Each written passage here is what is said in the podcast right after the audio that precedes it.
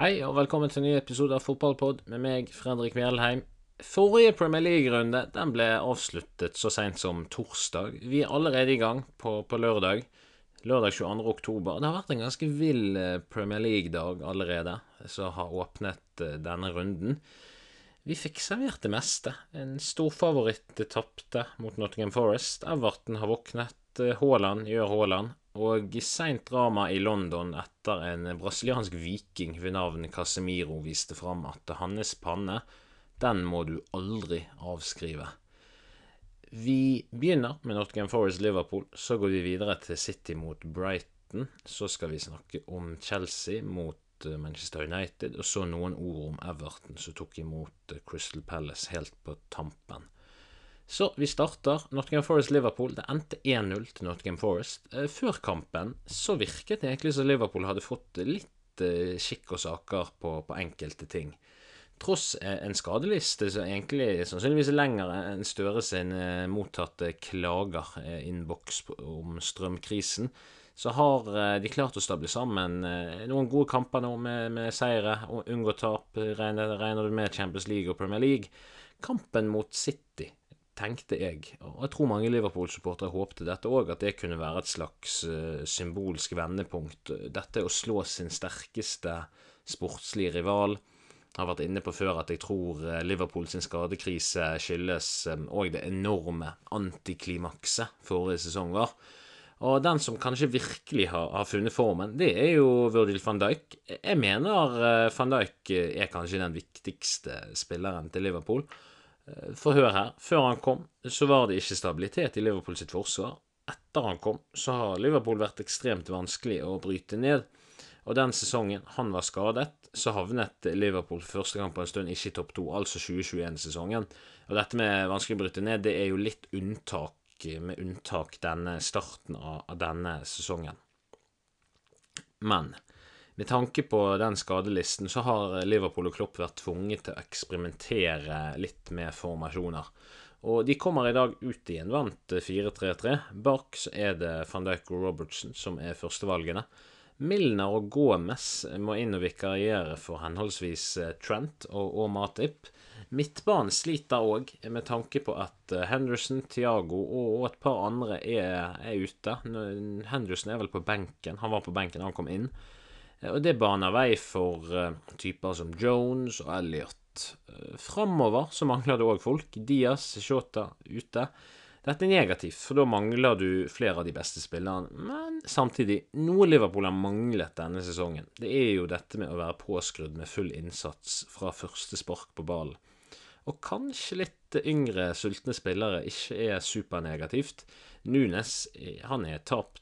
Han har jo virkelig begynt å, å finne skåringsform.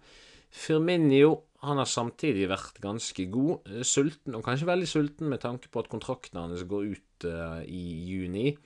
Fabio Cavallo inn på kanten. Det er jo et stort talent. Uh, og så tenker jeg òg for Sala sin del. Han har jo gjennom flere år nå i et ganske bra Liverpool-lag bygget gode relasjoner med de rundt seg. Men nå forsvinner jo e-, ene etter den andre som han, han, har hatt rundt seg. Først uh, forsvant Mané, så du vant til Diaz, så forsvinner Diaz, og så kommer nå Cavallo inn. Og så òg på spissplassen første, i første perioden var han til Firminio, så, det, så var det Yota, og nå er det Nunes, og nå er det Firminio igjen. Uh, så, men han må, bare, han må bare stå i det. Det er bra for Liverpool at i det minste han er skadefri. Men Cavallo er en veldig angrepsvillig midtbane slash vingspiller. Han er ingen dårlig spiller. I fjor i Championship så leverte han ti mål på 36 kamper for Fulham. Men det vil nok ta noe tid før han venner seg til Liverpool og Premier League. Det bekreftet eh, kampen i dag. Han har levert mål, trygge pasninger, stort sett, eh, for Fulham i, i, Championship. Og du ser talentet. Det er bare veldig, det er bare veldig raw. Det er det det heter. Liverpool lå før kampen på syvende, og hadde de vunnet, så hadde de vært bare fire poeng bak City før de spilte klokken 16. Eh, men det gapet har økt igjen nå. Det var eh, før kampen var det folk som snakket om at kanskje de ikke er like ute av tittelkampen som jeg først trodde, men nå etter kampen så ser det ut som de er det, er det igjen. Men samtidig, det er, det er, vi er nok in for a lot of surprises denne sesongen. VM gjør jo sesongen veldig annerledes, og det gir en annen intensitet i kampintervallet som kan påvirke på, på måter vi ikke har sett før. Så det er sånn sett eh, veldig spennende, og spesielt oktober eh, nå er, er veldig utsatt for mye, mye kamper. Men Liverpool de ender eh, med å tape 1-0. Nytt symptom på at det blir en heissesong for de Opp og ned. Skader, utskiftninger, alder på noen av spillerne, feil side av 30, tett kampprogram. Nottingham Forest de er i likhet med, med, Liverpool et lag som har måttet rokere en god del på uh, laguttaket og, og, formasjonen. Men det skyldes ikke skader. Det skyldes en enorm mengde nye folk, og Steve Cooper han leter hver kamp etter skal vi si, riktige formasjonen, riktige Altså riktige typen spillere sammen som kan bidra til å komme seg vekk fra den nedrykkssumpen de, de, fortsatt er i, da, tross, eh, tross seieren i dag. Eh, Forest de var før kampen desidert sist, og de hadde vunnet minst i ligaen. Eh, kun én gang på elleve kamper, to på tolv i dag. De er imidlertid noe mindre dårlig hjemme versus borte, sånn som de fleste andre lag. De snitter før kampen riktignok 1,8 mål mot hjemme mot 2,33 på bortebane. Og den ene seieren de hadde før uh, mot Liverpool, den kom òg på hjemmebane. Uh, og de snitter òg uh, 12,4 skudd mot motstander mot, på hjemmebane, mot 8 på bortebane. Og I fjor så vant de i 23 av 46 kamper i championship. Så, og nå har de vunnet 2 av tolv, så de hadde, et mye bedre snitt i championship, men det tror jeg er rimelig normalt. Men vi må litt inn på Gisselinga. Han har ennå ikke skåret i år, og dette er Nottingham Forest sin beste betalte spiller, og det er en offensiv midtbanespiller sentralt, og kan spille ut på kanten. Og det er nok skuffende. Det bor mye i Lingard. Uh, han har vist det før, men han er ikke vant til å spille så mye som han gjerne gjør og kommer til å gjøre i Forest. Den forrige gangen, og den eneste gangen, han har startet mer enn 19 Premier League-kamper, altså halvparten, det var i 17-18-sesongen med Manchester United så kanskje han kan blomstre mer utover i sesongen. For det var jo på utlån i Westham han for alvor viste hva som bor i han, med eh, altså 13 målpoeng og på 16 kamper. Og I Forest så vil jo han få noen av de enorme kontringsrommene som han skårte mye på i, i Westham, og som til dels gjorde mål på i United òg. Så at han ikke har skåret flere kontringsmål, det har egentlig forbauset meg en god del. For, for Jesse Linger er jo I Westham så fikk han jo han hadde, Kanskje det som var greia der, var at han hadde flere gode spillere rundt seg, Premier League-proven. Mens i Nottingham Forest så er det på en måte han og dels Avioni er, er, de store fremover. Så Men kanskje på sikt så kan han ta tak. Det virker ikke som han er i sitt beste slag heller. Jeg husker jo han hadde et kontringsmål en gang mot uh, mot Watford for, um, for, Manchester United og Mourinho, der han bare peste fra ene 16-meteren til den andre og, og dundret ball i mål. Og han la, lagde en sånn uh, snodig ørnefeiring som bare han kan komme på. Men, uh, men det, fokus på spilleren. Altså, det var, det var bra. Han kontringsspiller. Jeg håper for Norsk Games Forest sin del, og, og nøytrale tilskuere, for det kan være fint å se på gode kontringer at han får noen flere sanne mål. Særlig for Forest, for det er kjedelig hvis de bare skal få én sesong, tenker jeg. Eh, første omgang det handlet mest om Liverpool. Det var 73-27 eh, i ballbesittelse for det Liverpool. Men Nottingham Forest hadde tre avslutninger på mål mot Liverpool sine to, så en liten kontrast der. Eh, Avioni hadde Er det riktig? Av, Avoni? Avioni? Kan, kan, Jeg sier Avoni, så får jeg heller arresteres hvis det er feil. Avoni, spissen til Forest, han har et bra gjennombrudd til Linger etter 30 minutter. Men Allison, han er våken, brasilianske keeperen. Jeg syns han ofte er våken. Det er en veldig god keeper. Uh, litt tilbake igjen i tid. Etter åtte minutter så hadde Liverpool en god sjanse etter at Elliot hadde en, en vakker progressiv langpasning. Husker dere progressiv langpasning? Det er det er en pasning fremover altså mer enn 30 meter. Eh, det var kanskje like under 30, men eh, jeg kaller det en progressiv langpasning. Han var, han var såpass fin, så Harvey Elliot fortjener den. Eh, han setter Cavallo dels alene med keeper, litt skrått. Eh, men Henderson han er sånn som Alison. Han er våken. Det er, det, det er to god keeperduell i, i denne kampen. Det var det. I andre omgang, etter ni minutter, så er det en dødballsituasjon der Nottingham Forest egentlig er ganske smart, og det tyder på at dette er noe de har øvd på på trening. Det ser man. De har eh, dødball til venstre like foran midtbanen inn på Liverpool sin banehalvdel. Det er langt eh, det, det er langt ut mot venstre, og så slår de han da langt ut mot høyresiden av 16-meteren, altså fra side til side, skrått. Og så går de inn, eh, typ 90 grader inn. Og så er det kjapt, det er farlig. Og så blir det mål. Avioni skårer etter eh, etter en retur fra stolpe, er det vel. Allison er ganske sjanseløs. Det er null snakk om keepertabbe. Det. er rett og slett godt plassert av Avoni. Til og med Haaland hadde kanskje applaudert plasseringen. Og ofte i denne type kamper, der det er, er solide forsvar, Eh, uten de altfor store klinikerne på banen. Altså Den største klinikeren på banen i dag er jo Mohammed Salah, men når han ikke får spille på styrkene sine, type kontring, kommer kjapt opp langs venstre Han var tett pakket. Da er det en dødballsituasjon som kan løse opp eh, når det er denne type kamp, siden det er mye rokeringer i begge lag. og Det, det overrasket meg ikke at det, det kom mål på dødball. Og eh, Klopp han svarer ganske kjapt, og hele Liverpool svarer etter Avoni-skåringen. Henderson kommer inn, Arnold kommer inn. Eh, offensiv, i hvert fall Arnold er offensivt orientert. Og Carvalho Milner ut. Carvalho, har ikke hatt den helt store kampen. Men det er snakket om litt eh, tidligere i, i denne episoden. Jeg tror det, det, bor mye i han. Eh, det er ikke et dårlig kjøp. Han kommer til å bli god, men ikke helt ennå. Ikke helt ennå. Og mellom de påfølgende ti minuttene etter Nottingham Forest-skåringen, så er possession 89-11 i favør Liverpool. Tenk så slitsomt for Nottingham Forest. Bare 11% ball på ti minutter. Det er, det er lite ballberøring. Kjedelig å være fotballspiller uten ballberøring. Bare løpe imellom som en ja, som en jojo. Og det er, det er, mye Liverpool etter skåringen. Men det er, det er, noe som mangler den siste fjerdedelen på banen.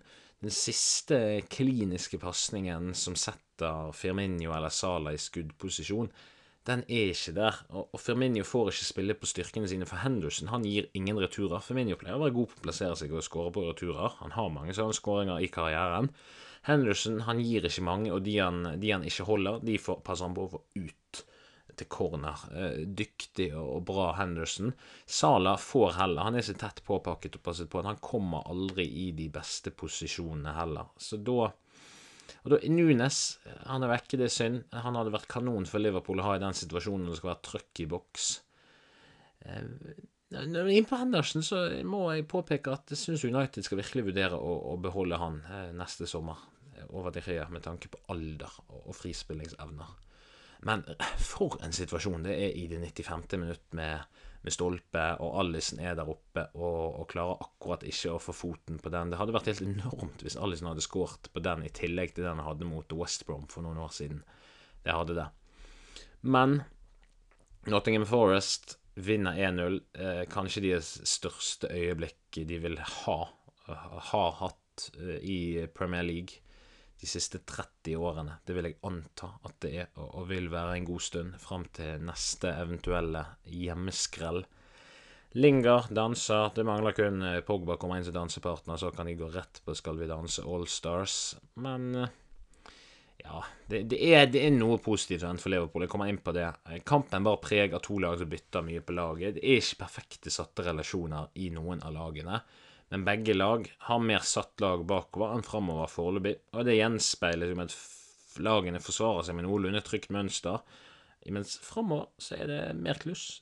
Og det er ofte, eh, egentlig for begge lag, en lang pasning rett etter motstanderen har angrepet, som leder til en sjanse. Altså framoverrettet en lang pasning. Altså, det var side to side game store deler av, store deler av tiden det som kjennetegner sesongen Liverpool er inne i nå, og det har jeg sagt før, altså en sesong etter en intens troféjakt på alle fronter, utskiftninger Dette vil være, det vil være stabilt ustabilt, dette her, eh, dessverre, for, for Liverpool og, og, fans. Før man plutselig, da, plutselig kan finne formen. Det, det kan skje òg. VM er en stor X-faktor. Men eh, akkurat nå så er det en heissesong. Liverpool taper. Jeg klarer ikke å følge opp den enorme prestasjonen mot City. Nesten litt synd at den blir litt uh, betydningsløs. Uh, og idet man friskmelder Liverpool, så kommer tapet. Det går opp, det går ned.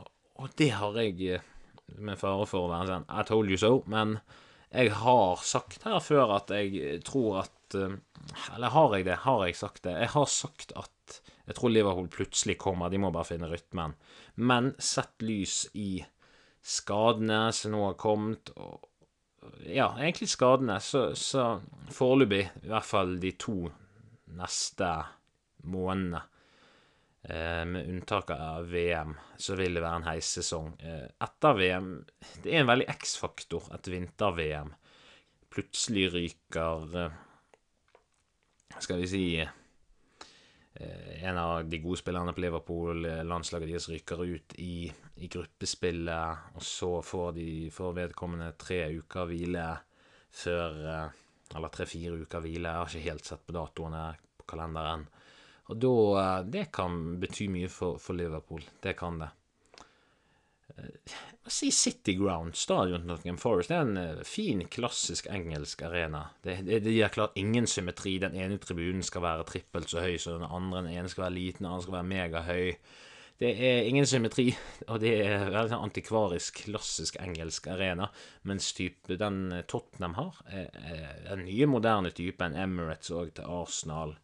Uh, Old Trafford er litt av den antikvariske igjen. Sånn klassisk med, med tre høye og så én lav. Men denne seieren var viktig. Jeg klatra fra jumbo til 19.-plass for Nottingham Forest en del.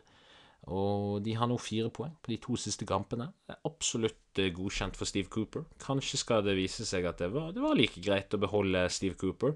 Jeg syns jo ingenting om at en manager ikke kan få litt mer tid når han har Han har tross alt tatt de opp fra championship til Premier League.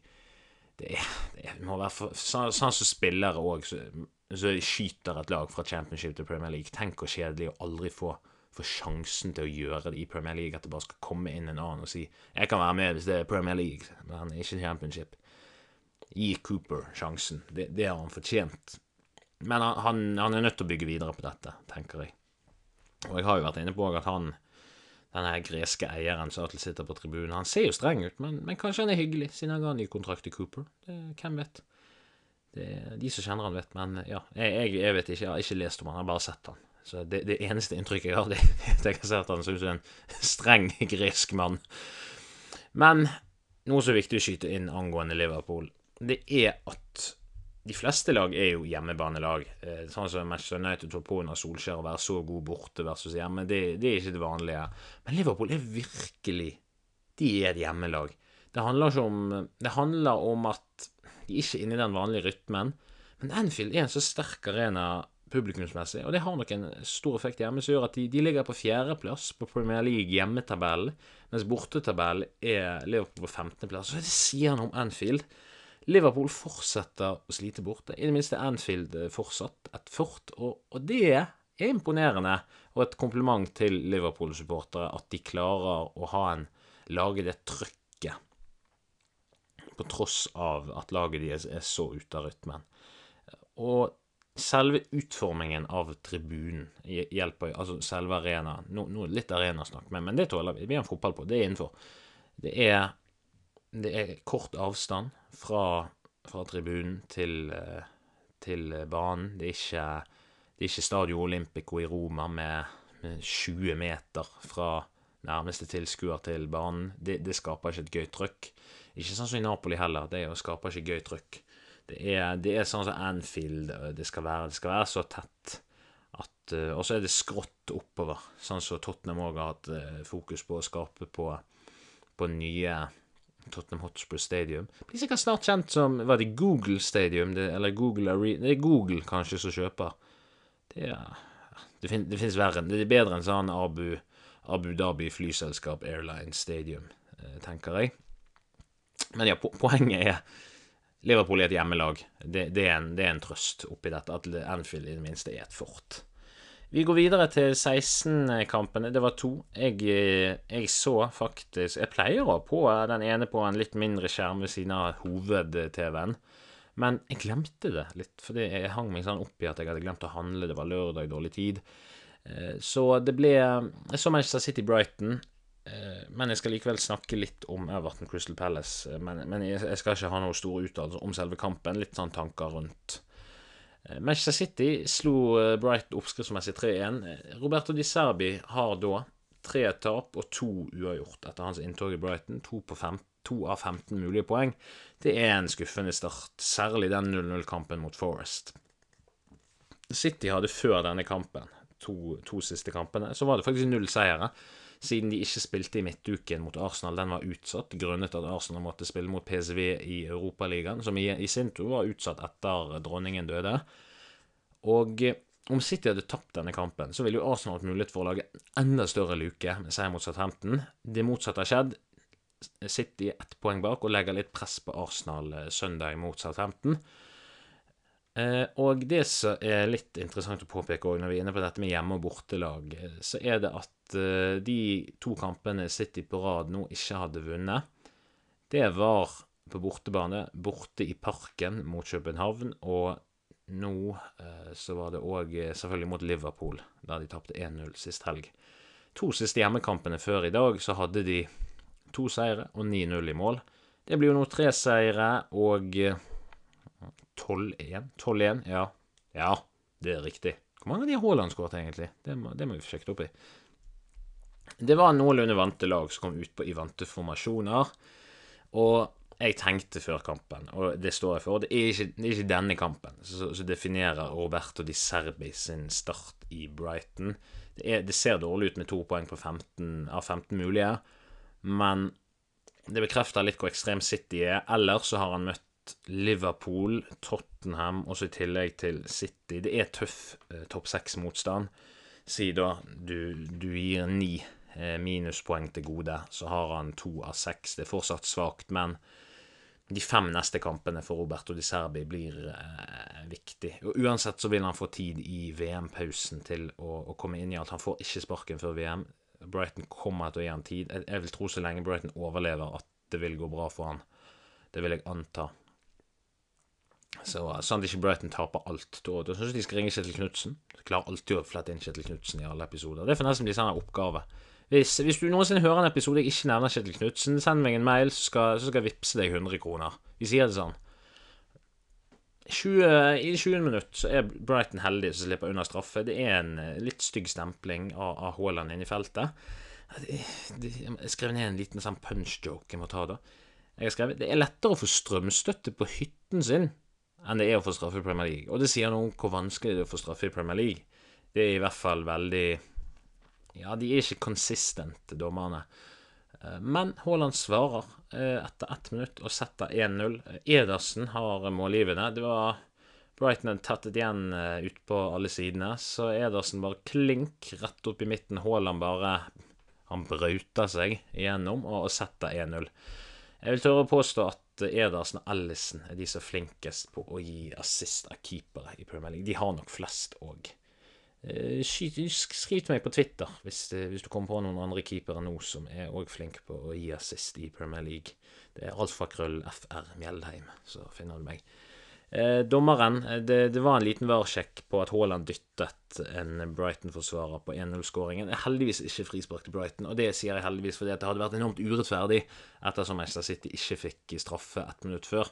Og Da hadde jeg egentlig forstått Guardiola om han hadde begynt å spinne på sidelinjen som, som Klopp gjorde i, i, det foregående oppgjøret mellom City og, og Liverpool. Eh, det virker jo egentlig Pep som en sånn sint eh, Liv Signe Navarsete på sidelinjen. Hyler til dommerne. 'Du aner ikke hva du snakker om'. Det, det, hadde vært kult. Men vi slipper det hele. Eh, og før pause så får City sin etterlengtede straffe. Virker nesten som en sånn der sympatistraffe at dommerne tenker OK, kanskje den forrige skulle vært straffe, så da dømmer vi nå i hvert fall nå.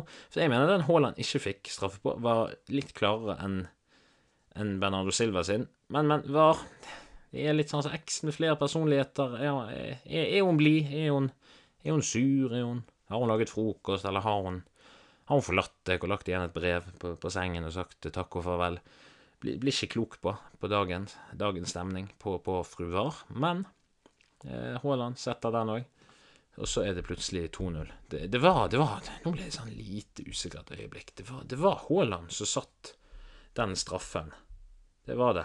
Nå, nå hadde jeg eh, Skal vi si på en annen eh, kamp Det var, det var jo Haaland som satt den, selv om Mares var jo på banen. Ja, det var, det var Haaland som, satt den. Jeg ble, begynt, jeg ble usikker et lite øyeblikk, selv om jeg har sett siden Mares startet og han pleier å ta straffen. Nei, Mares bommet mot København. Men ok, nå, nå er vi vekke. Det er pause. 2-0 til City. Etter pause så utligner Trossard ganske kjapt. Smart grep av Di Serbi, den må han få. Det er ikke noe smadring av Brighton utpå der. Det tror jeg taler for De Serbi. Og det var en god kamp mot Forest, bare uten mål. Så det er, det er en OK De Serbi. Vi får si det sånn. Nå er vi snille, men vi er snille, og så får vi en OK De Serbi. Vi konkluderer med det.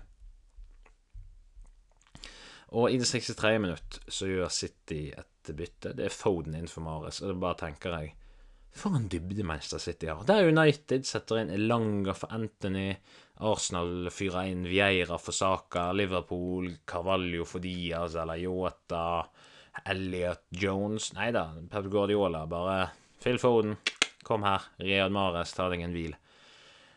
Og, og, grunnen til at jeg tenker det er en enorm dybde, er for i samtlige lag i samtlige lag i Premier League så hadde både Mares og Foden startet samtlige kamper, egentlig.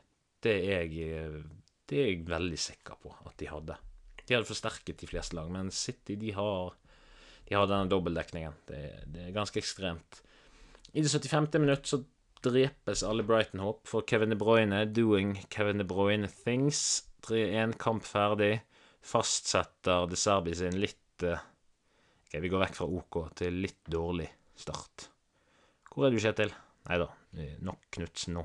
Og Haaland han er i øyeblikket kun bak Solskjær sin 18-målsrekord i Premier League med 17 mål. Det er kun en season killer injury som kan ødelegge at han tar den rekorden, egentlig. Han passerte med dagens tomål Joshua King sin 16-målsrekord for Bournemouth. Vi må sjekke om Solskjær hadde noe straffemål, da, for da kan vi måle opp mot det òg. Hvis Solskjær ikke hadde ett straffemål, så må jo da Haaland sette Jeg tror han har elleve ikke-straffemål så langt. Eh, så Ja, men, men det, det, er en annen gang. City vinner 3-1, setter press på, på Arsenal, og, og foreløpig de eneste som følger Arsenal sånn skikkelig. For vi si Tottenham òg har vel en, en, liten mulighet til å henge seg på, eh, men de er Tottenham er jo stabilt ustabil, men de har en veldig god poengfangst. Hvis de vinner eh, hvis de vinner på søndag, så vil jeg si de er still, de er still in the mix, så du kan ikke ikke ha de med. Det kan du ikke. Chelsea tok imot Manchester United. Det er deilig med topp seks-oppgjør. Endelig så spiller Manchester United på en lørdag, grunnet at når du spiller Europa League på torsdager, så får du ikke spille lørdagskamp, for du skal ha to kamper hvile. Så endelig fikk Manchester United seg en lørdagskamp. Og dette er et ganske historisk oppgjør i Premier League-sammenheng. Fordi at disse to lagene har møttes i Champions League-finale. Det var 2008. Eh, jaget hverandre i Premier League når Mourinho og Ferguson styrte henholdsvis hver sin eh, skute. Og jeg vil si særlig i årene fra 07 til 2013 så handlet veldig mye om Chelsea og Manchester United. Det var før City ble City, og, og før Klopp ankom England. Eh, når det kommer til Ronaldo-suspenderingen, jeg vil bare ta den unna før jeg går inn i kampen. Det er mye delte meninger. Flere mener det er riktig håndtert. Jeg mener at Ten Hag måtte gjøre det på den måten. Uh, mens andre egentlig ser Ronaldo sitt ståsted òg. Nå skal jeg prøve å være litt uh, politiker her. Det er riktig at Ten Hag suspenderer han. Han kan ikke bare stikke fra kamp på den måten. Blir det ikke konsekvenser, får det enorme negative ringvirkninger i garderoben. Se for deg en arbeidsplass der én person får gjøre akkurat som han vil, uten konsekvenser. Hvor lang tid tar det før murringen begynner på din arbeidsplass? Hvis det var én fyr som slapp unna halvparten av oppgavene. Hva, hva hadde skjedd da, hvis en bare stakk en time før? Hvor lang tid hadde, de, før, hadde det gått før de andre begynte å murre? 10 sekunder? 20 sekunder? Rekker du å sette på en kaffe først? Sannsynligvis ikke. Det blir, det blir frustrerte fruer-tilstander momentant. Sånn er mennesker wired. Det er drikke kaffe, slenge drit. Det er det vi er flinkest på. Samtidig så ser jeg argumentene til pro Ronaldo, øh, selv om jeg mener at Ten Hag gjorde det riktige. Han blir sendt i oppvarming igjen og igjen uten å komme inn. Ronaldo er ingen ordinær spiller. Han har satt en standard sammen med Messi. Kun Haaland og MBP har potensial i øyeblikket til å følge. Og med dette kommer det selvsagt noen særegenheter. Erik Den Haag kan jo absolutt med fordel unngå noen sånne ting som å hive han i oppvarming han ikke, hvis han ikke skal inn på. Men de tingene endrer seg kjapt i Premier League, og, man, og du kan sjelden planlegge hvor tid du kan sette inn hvem. Men jeg tenker at man kan jo være Give Ronaldo som slack i, i, i den måte at Gi han litt tid på å synke inn at OK, jeg er Jeg blir 38 år, jeg er ikke den samme gi han på en måte en, en overgangsperiode. For hvis du jeg, jeg, leste et innlegg på Manchester United-side at det var en som het uh, Det er greit å nevne navn Robert Bringaker, lurer jeg på. Han hadde skrevet et innlegg i en Manchester United-side der han snakket om at at Ronaldo eh, kom jo til Manchester United med et inntrykk av at de hadde stabilisert seg som Premier League-klubb. Eh, nei, eh, Champions League-klubb, og, ting virket å være på stell. Så er det Solskjær ut. Sesongen går ad undas. Han er den som presterer best i hele laget. Og så skjer alle disse personlige tingene. Han har en mor som er syk. Det er Han mister et barn eh, mens kone er gravid med tvillinger, og så kommer man har sett fram til to barn, så kommer det ett. Dette er ting som ville gått utover alle mennesker på en eller annen måte. Og det er derfor jeg passer på å påpeke at Ronaldo må, må få litt slack. Det var, det var, veldig godt formulert, det du skrev, Robert, hvis du skulle snuble over denne poden. Det var det. Men eh, vi hoppa inn inn i kampen. United-laget det var uten Fred fra start, noe overraskende. Eh, spesielt siden Eriksen hadde vært eh, syk noen dager før. Men Eriksen er inn. Ellers er det uforandret lag fra Tottenham-smadringen. Eh, Ronaldo-suspensjon gjør United veldig sårbar framover. For det, det, er ingen spiss på benken, og Rashford er ikke kjent for sin vide evne til å holde 90 minutter. Jeg vil tro på utholdenhet på Fifa er Rashford nede på et best 70. Chelsea de kommer i en seig 3-4-2-1 med minst seks utespillere som er bedre bakover enn framover. Eh, Potter han har allerede slått Manchester United i år, 2-1 eh, på Old Trafford med Brighton. Fordel United at Kolibali er ute, men Chelsea har, så lenge Tiago Silva innpå, så virker det som det forsvaret bare holder sammen uansett hvem du setter ved siden av han. En, en veldig, veldig god midtstopper, Tiago Silva. Jeg syns eh, i starten av kampen United er flink til å holde på ball på motstanderen sin halvdel. Det er ikke de utålmodige innleggene Sancho holder i ball på sin kant. Bedre. Eh, David Rea har noen, noen svake utspill, spesielt når han sikter på Shaw. Så er Chelsea på med en gang og vinner. Du ser Casemiro, Martinez, Ferran. De, de, trekker bak. De vil trygge David Rea på den frispillingen. Og det er jo derfor jeg nevner eh, Henderson som at han må de virkelig vurdere å beholde neste sommer. Eh, og så ser du òg etter i tolvte minutt et perfekt relasjonsangrep fra United. Det går Casemiro, Bruno, Eriksen, Shaw, Bruno, Anthony. Avslutning. Og når Cristiano ikke er på banen, så serverer Bruno ikke ball til han, men til den mest tilgjengelige spilleren. Når, når Ronaldo er på banen, så opplever jeg av og til at uh, han, han, sender han i retning eh, Ronaldo uansett. Uh, så når Ronaldo er på banen, så leter han etter han, men nå, nå forts, dette må Bruno fortsette med, å lete etter den mest tilgjengelige spilleren. Og jeg syns at noen relasjoner hos United begynner å sitte bedre og bedre. Ty type Shaw og Sancho fungerer bedre og bedre. Mangler bare den siste lille gode bevegelsen fra en offensiv midtbanespillerspiss, så, så kunne noe blitt mål der. Og Det er jo der United savner en type Ronaldo i dag. En, en klinisk avslutter. United vinner mye ball høyt. De aggressive alle mann. Bruno, Casemiro, Eriksen, motorer hele gjengen. Og, men Rashford, etter 27 minutter, mener jeg, igjen så er han alene. Men så mot Newcastle, så mot Tottenham, så bommer han nå. Han har vært uheldig med, alene med keeper siste tiden. Men det, det har vært en total United-forvandling i år. Med unntak av City-kampen og, og, de to første, så er de virkelig gode mot, uh, mot lag. Særlig topp seks-klubbene. De slet litt med Liverpool og Arsenal til tider på hjemmebane, men mot Spurs og Chelsea så så har de sett ut som de har hatt kål. De har ikke virket eh, totalt å henge i tauene på noe tidspunkt. Og Kjernås han, på, han, påpeker noe interessant når Shaw stanser Chelsea fra å ta et kjapt innkast. Og det er, og det er at eh, det er klart gult kort når Shaw hindrer et kjapt innkast fra Chelsea. Men her kommer dette med consistent i, i, fra, med dømming. Uh, Leeds Inisterra, husker du han? Han fikk eh, sitt andre gule og rødt uh, for Leeds for å hindre et kjapt frispark. Jeg mener det var mot eh, Var det Var det Aston Villa? Jeg er, ikke, nei, jeg er overhodet ikke sikker. Men dommerne gjorde igjen ikke konsistent. Skal du dømme på det, så må du alltid ta det, eller aldri ta det. Jeg, jeg er enig med Kjernen og sier at du bør alltid dømme på det. Eh, fra 20. til 30. minutt så har United 80% ball, men de mangler en superklinisk avslutter som kan konvertere dette til, til et mål. Eh, Eriksen er svakere enn Fred defensivt, eh, og det er ofte der Chelsea sikter seg inn. Eh, men Aspilicueta er ikke så driftig på innleggene i denne kampen. Og i 36 minutt så er Mount og Lisandro Martinez i hverandre. Syns kanskje Martinez har rett her, fordi at Mount har skubbet en del i Martinez tidligere i kampen. Litt sånn unødvendig etter ballskjerminger fra Martinez. Eh, og så tenkte jeg skal det straffe seg at United ikke er klinisk når Kovacic kommer inn på 0-0? At United ikke har utnyttet den domineringen de hadde første halvtime til å skåre? Og, og, ja, det, det, det kommer det til å gjøre. For det at første halvtime så virket det som United fortsatt spilte mot Omonia og Tottenham. Men uh, Potter ser du umiddelbart. Han driter i disse her uh, gentleman's uh, substitution rules og bare setter inn på Kovacic for å, å korrigere det. Og vips så har ikke United fått mål ut av dominansen sin.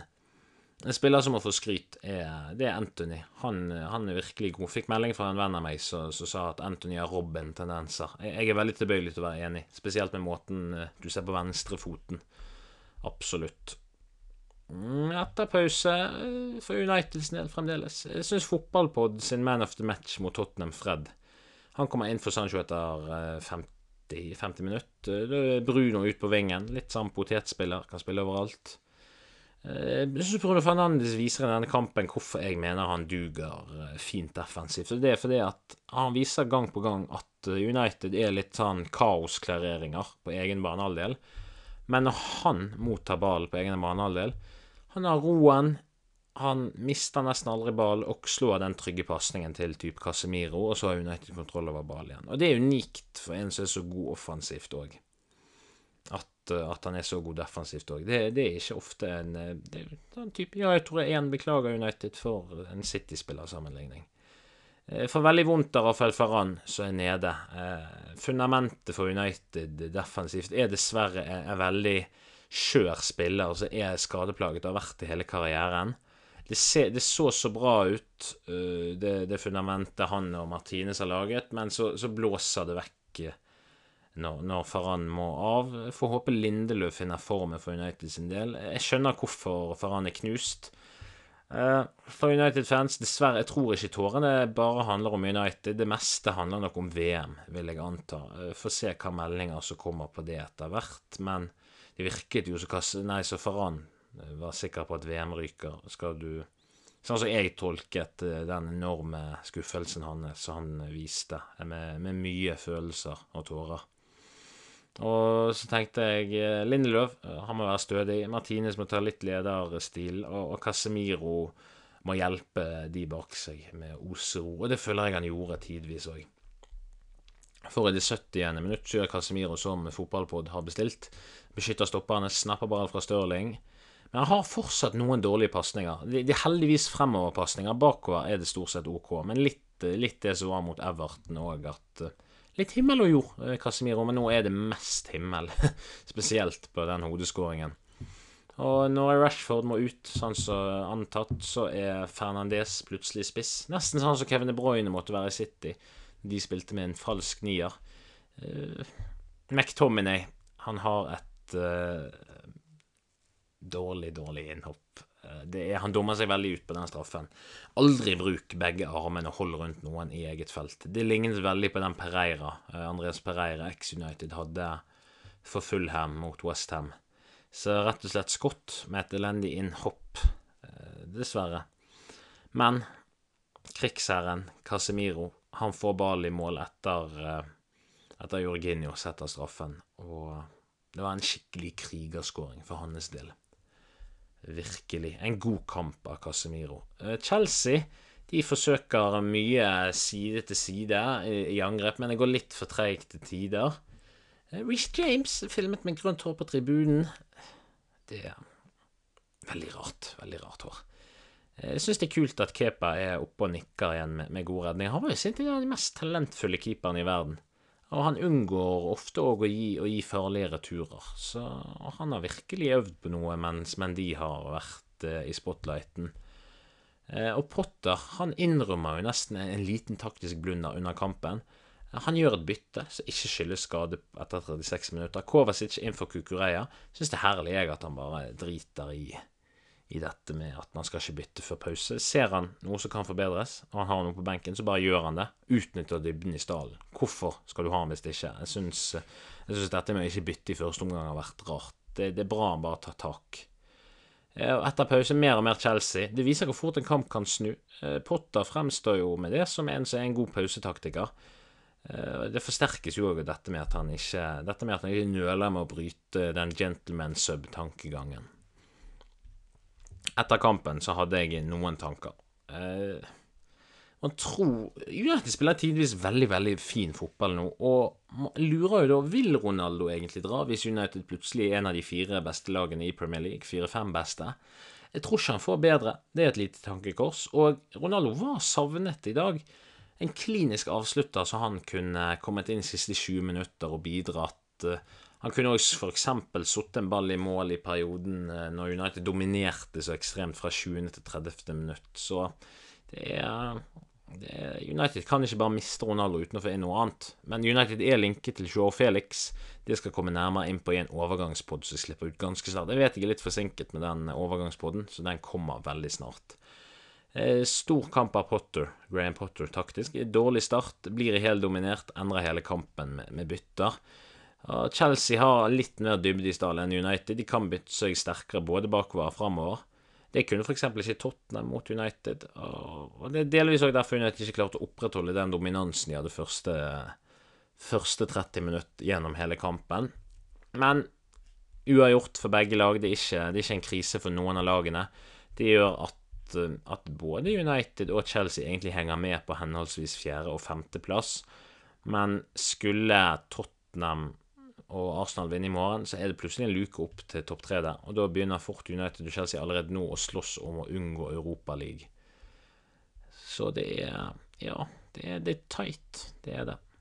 Det var, det var, det jeg hadde om, om de tre kampene jeg så.